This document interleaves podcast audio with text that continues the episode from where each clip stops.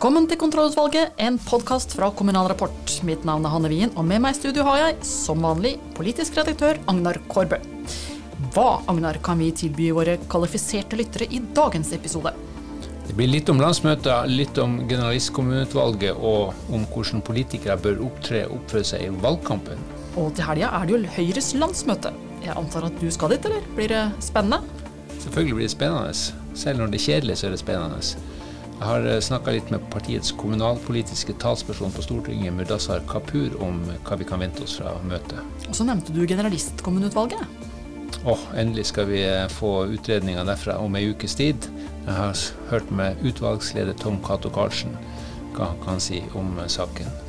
Og under eventuelt, der spør vi om det er greit at kommunen inviterer på pub. Er innkallinga godkjent? Innkallinga er godkjent, og møtet er satt.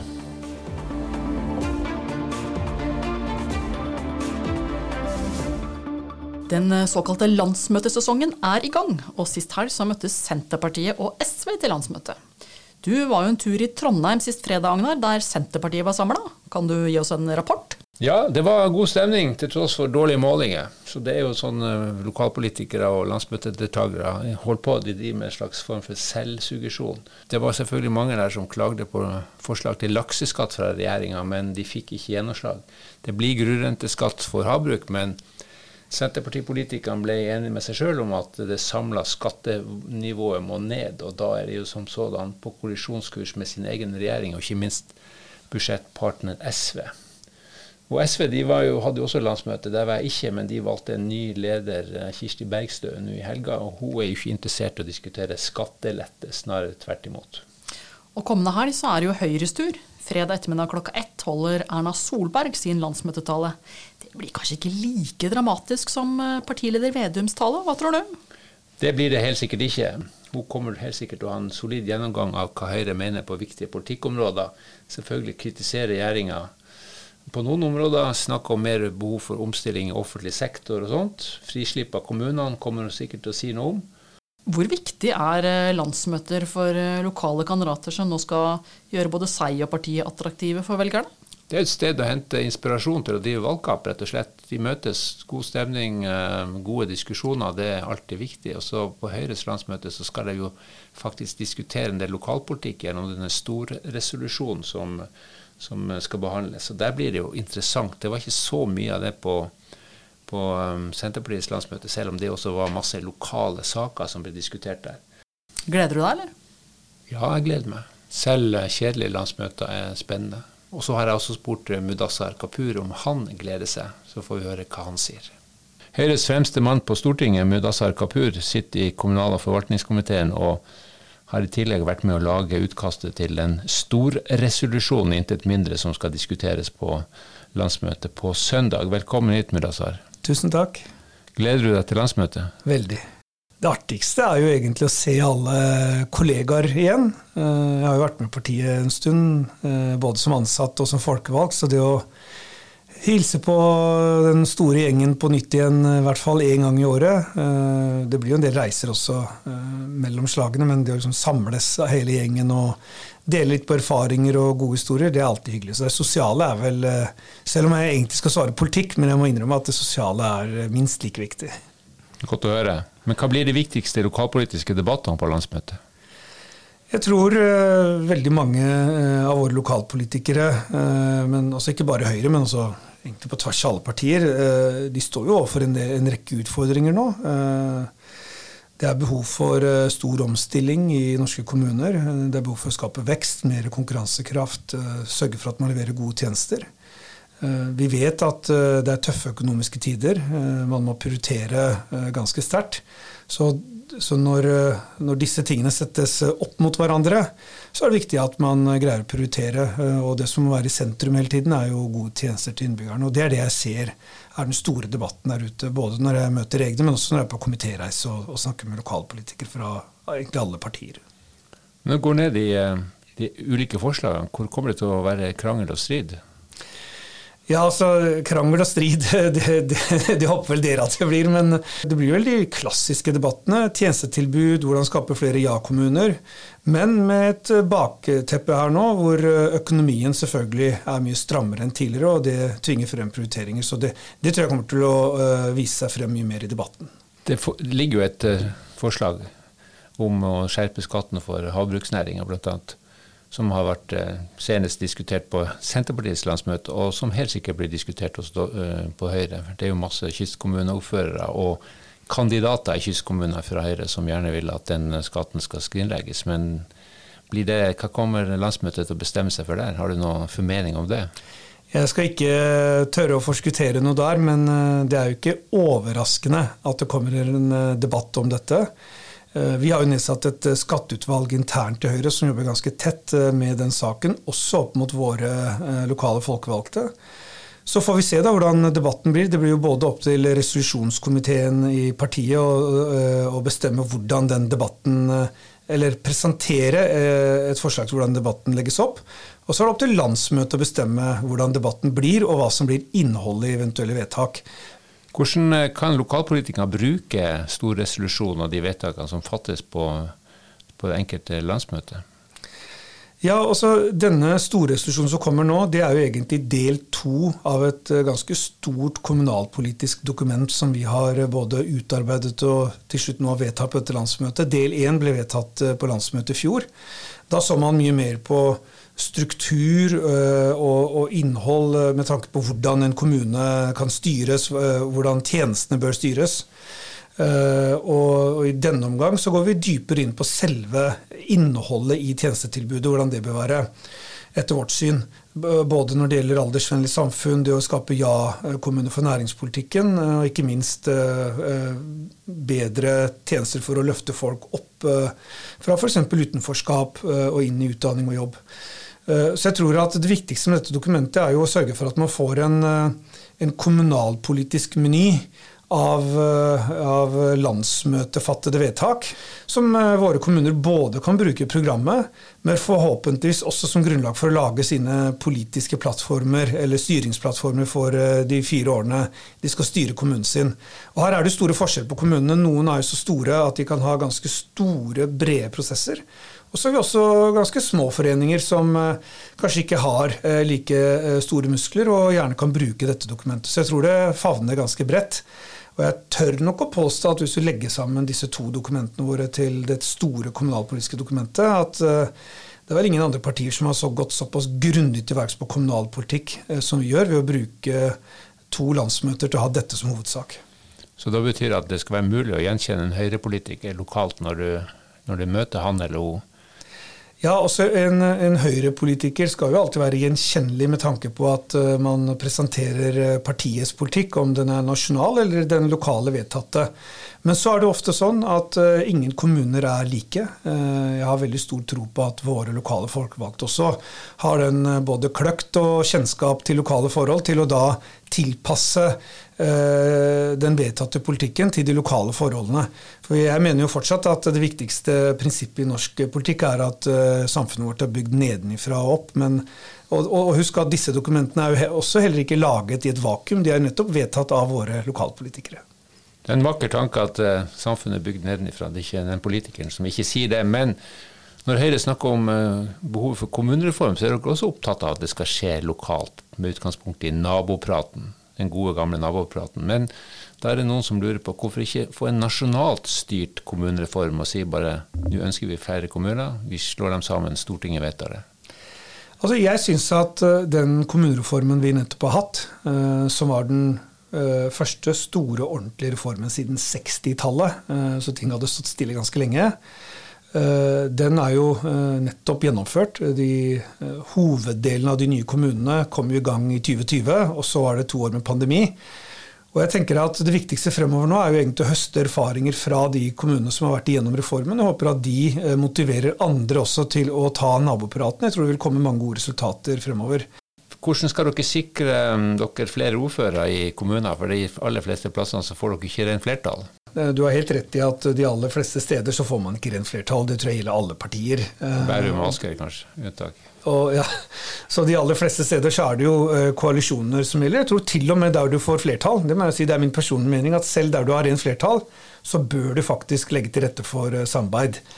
Men, uh, men, jeg tror dette egentlig handler om litt langsiktig arbeid. Det handler om at partier på f.eks. borgerlig side gjennom de siste fire årene der hvor de har vært i opposisjon, da, har vært flinke til å fremme saker sammen, finne felles plattform for sine politiske løsninger. Dette er ikke sånne ting som plutselig oppstår øh, valgnatta øh, ved at man har fått et borgerlig flertall, og så skal man plutselig finne ut hvordan man skal forvalte det. Så jeg tror at det å jobbe øh, jevnt og trutt med dette over fire år og finne de felles politiske løsningene sånn som På borgerlig side så er vi veldig for at en kommune skal være ja-kommune. Mer næringspolitikk, mer boligbygging, skippe private krefter til.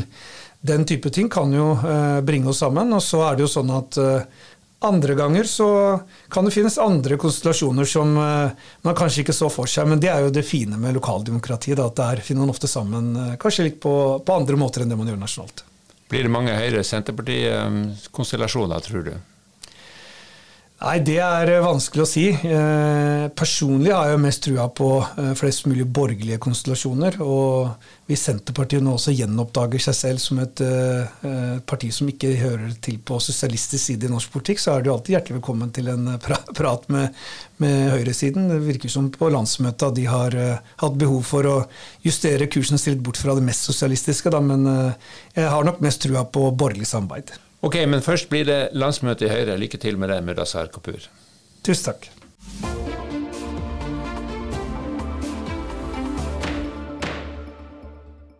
Vi må snakke om et av de lengste av de mange og lange orda vi i Kommunal Rapport er så glad i.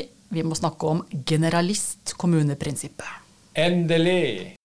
Om en uke kommer nemlig utredninger fra et utvalg som har sett på dette prinsippet. Hvordan funker det i praksis? Nok en fest for kommunenerder. Ja, absolutt en fest for oss kommunenerder, men ikke bare, for dette angår jo innbyggerne. Rett og slett, eh, Det koker ned til hva slags tjenester, hva slags lokaldemokrati kan jeg forvente i den kommunen hvor jeg bor. Er det, spiller det spiller noen rolle hvor jeg bor? Og da så får vi en diskusjon om det. Det er jo noen som mener at dette prinsippet i praksis er dødt. Det lever vel et slags eh, liv, men eh, det fungerer jo ikke sånn at alle kommuner, 356 kommuner klarer å innfri alle lovpålagte oppgaver som de skal. Det er jo ingen kommuner som klarer å innfri absolutt alt som loven krever av dem. Men um, det er nok sånn at små kommuner er avhengig av større kommuner for å levere en del tjenester. og Så kan man da diskutere betyr at prinsippet er dødt. Og den diskusjonen får vi jo for fullt neste uke. Jeg traff nylig utvalgsleder Tom Cato Karlsen. Han er til daglig statsforvalter i Nordland. For å spørre ham litt om hva vi kan vente i rapporten som kommer om ei ukes tid. Man eh, har jo fra utvalgets side prøvd å eh, kartlegge så godt som mulig hva er ståa i Kommune-Norge i dag, eh, og hva kan Kommune-Norge forvente seg i fremtida. Basert på dette så har man jo diskutert ulike løsninger, både innenfor generalistkommunesystemet og også utenfor generalistkommunesystemet. Og så har man jo diskutert seg fram til en en eh, rekke tiltak som man da foreslår for å kunne eh, sørge for at det er gode tilbud og gode tjenester for innbyggerne i Norge også i fremtida. Hvor mye diskusjon regner du med vi får om de ulike tiltakene? Jeg tenker jo den tida vi er inne i nå, eh, der det er stor bevissthet rundt den demografiske endringene. Helsepersonellkommisjonen har lagt fram sitt. Eh, det er også eh, mye diskusjon rundt ståa i norske kommuner, tjenestetilbud osv. Så, videre. så tenker jeg det er, et, det er et veldig fint tidspunkt å legge frem vår NOU. Er det knytta spesiell utfordring til en sånn diskusjon, at det er valg i år? Det kan det selvfølgelig være, men jeg tenker at eh, for de som vil være kritisk til det generalistkommuneutvalget foreslår, de ville ha vært kritiske uansett om det var et valgår eller ikke. Så jeg velger å tenke at uh, vi, har, så, altså, vi har forsøkt å legge fakta til grunn eh, for de eh, konklusjonene som vi kommer med. Sånn at det er ikke synsing eller eh, personlige preferanser, men basert på den kunnskapen vi har tilegna oss under eh, utvalget sitt arbeid. Eh, du har sagt at dere har vurdert å lage trykke denne rapporten i A3, slik at ingen skal kunne legge den i en skuff. Betyr det at du frykter at det kan komme til å skje? Nei, jeg tenker at den, den, rapporten som vi kommer med gir et veldig godt kunnskapsgrunnlag om kommunene sin situasjon nå, og også i fremtida. Eh, og så tenker jeg at eh, med de konklusjonene vi har, eh, så er det et godt grunnlag for hvordan man skal ivareta innbyggerne også i fremtida i i et mangfoldig Kommune-Norge. Er det mye dissenser? Eh, nei, overraskende lite i forhold til hva jeg trodde når vi begynte. Eh, jeg føler vi har hatt en ekstremt god dialog. Vi har blitt en eh, godt sammensveisa gjeng som har jobba godt i lag. Og det har vært en takknemlig oppgave å lede disse dyktige folkene jeg hadde sammen med meg i utvalget.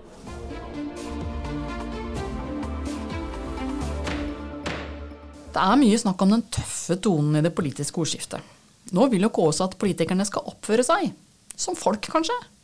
Organisasjonen lanserte nylig valgløftet. Ja, Det skal jo forplikte lokalpolitikerne til å behandle hverandre med respekt. Til å vise hverandre gjensidig tillit, og ikke minst legge vekt på en kunnskapsbasert debatt. Eh, dette valgløftet ble presentert på kommunalpolitisk toppmøte nylig. Jeg prata litt med Gunn-Marit Helgesen, styreleder i KS, og eh, han som fikk eh, dette valgløftet overrakt, stortingspresident Masud Gharahkhani. Hvor vanskelig blir det å, tror du, for politikerne i den valgkampen vi går inn i, å etterleve dette løftet om å oppføre seg ordentlig og ta vare på demokratiet gjennom et uh, hederlig ordskifte? Jeg håper jo ikke det skal bli vanskelig. Uh, og jeg opplever vel at de fleste oppfører seg ordentlig også. Uh, det som kanskje er problemet, er de som ikke er i politikk. Som bruker sosiale medier for alt det har vært til å true folkevalgte. Uh, og Det er jo litt av dilemmaet her. at De kan jo ikke vi svare for, men vi kan iallfall svare for hvordan vi selv oppfører oss. og Da tenker jeg da får vi starte på oss selv.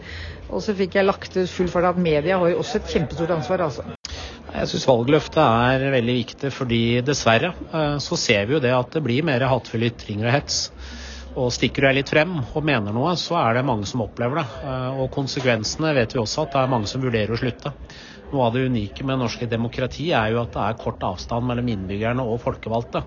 Og Hvis det blir større avstand fordi flere ikke vil være folkevalgte, så vil det være jo trussel mot demokratiet. Så her har vi et felles ansvar å ta et oppgjør med hatefulle ytringer og hets. Så jeg tenker valgløftet er et godt eksempel på det. Tror du mange kvier seg for å stille til valg på bakgrunn av en, et tøft ordskifte? Ja, og vi vet jo at sant, i, i, kommunestyrene så kommer de jo tettere på uh, i tøffe saker. Uh, det kan plutselig være en nabo. Uh, og jeg har jo også hørt sterke historier, for jeg valgte å invitere mange kvinnelige folkevalgte på mitt kontor, som har vært lokalpolitikere, og også en del av de stiller til valg. Og det er sterke historier på hvordan det går utover familien. Folk som har blitt langtidssykemeldte, folk som har vært redde for å gå hjem på natterstid alene. Og det tenker jeg er et alvorlig utfordring vi er nødt til å ta et felles ansvar for å gjøre noe med. Hvilket råd har du til lokalpolitikere som møter disse utfordringene? det er å ta et tydelig oppgjør. At man stiller opp for hverandre uavhengig av hva slags politisk parti man tilhører. Ser man at noen opplever hatefull ytringhet, så må man stå sammen og si at det er uakseptabel. Så har vi alle et ansvar også. Ser vi en nabo eller en vi kjenner som skriver noe som ikke er bra, så er det viktig å si ifra at det er lov å være uenig, men gjør det på en respektfull måte. Hva er dine råd, Gunn Marit Helgesen? Eh, vi må stå opp. Vi må tørre å si ifra. Eh, det er lett å feige ut og tenker at det gjelder jo ikke meg, men det gjelder oss alle hvis demokratiet taper. Da er vi kommet til eventuelt. Hva har vi til behandling? Du eh, har jo akkurat vært på landsmøte i Senterpartiet, Agnar. Har du noen eh, saftige landsmøteskandaler å by på, kanskje? Jeg dro før landsmøtefesten, og ikke minst dro jeg før nachspielene begynte, så jeg har egentlig ingenting å melde derfra. Kjedelig. Ja, litt kjedelig. Men uh, derimot må vi diskutere partytendenser på Senja, storkommunen Senja. Der har det altså kommunen og næringsforeninga i Finnsnes-regionen tørste etter innspill, som det heter i lokalavisa senja247.no. De har nemlig invitert til informasjonsmøte og dialog på pub. På Hugos pub. Såpass. Du, eh, snakker vi fri bar, eller? De spanderer pizza, ifølge rådmann Hogne Eidisen i uh, kommunen, og um, leder i næringsforeninga, Line Miriam Haugan. Men uh, du er ikke nervøs for at møtedeltakerne skal miste noen hemninger da, etter et par pils innabords? på Senja, at de er nervøse for det, det kan jeg ikke tenke meg. Vi snakker jo altså Nord-Norge, Senja, Finnsnes, så folket sier jo vanligvis fra her. Og temaet her er vel kanskje ikke det mest følsomme. Det er hvordan det kan bli mer spennende å besøke kommunesenteret Finnsnes. Hva som skal til for, oss, for at de besøkende, som det står i artikkelen i lokalavisa, skal trykke på smileknappen etter et besøk. Jeg vil jo da si at det kan hende at det hjelper med et par øl innabords for å komme på noe i det hele tatt. Nå må ikke harstadværing i deg være så nedlatende overfor Finnsnes. Det er sant. det er sant. Vi må eh, støtte opp om alle mm, store og små eh, plasser i Nord-Norge, Finnsnes inkludert. Så Dermed så godkjenner vi pubkvelden på Finnsnes som et fornuftig initiativ, ønsker dem lykke til og heve møtet. Før vi eh, takker for oss, skal jeg bare minne om at det er mulig å abonnere på nyhetsbrev fra Kommunal Rapport, og det er ikke minst mulig å gi oss et smilefjes eller noe lignende i den podkastleverandøren som du som lytter bruker. Men i studio så var altså Hanne Wien og Agnar Korbe, ansvarlig redaktør for Kommunal Rapport, er Britt Sofie Hesvik på gjenhør.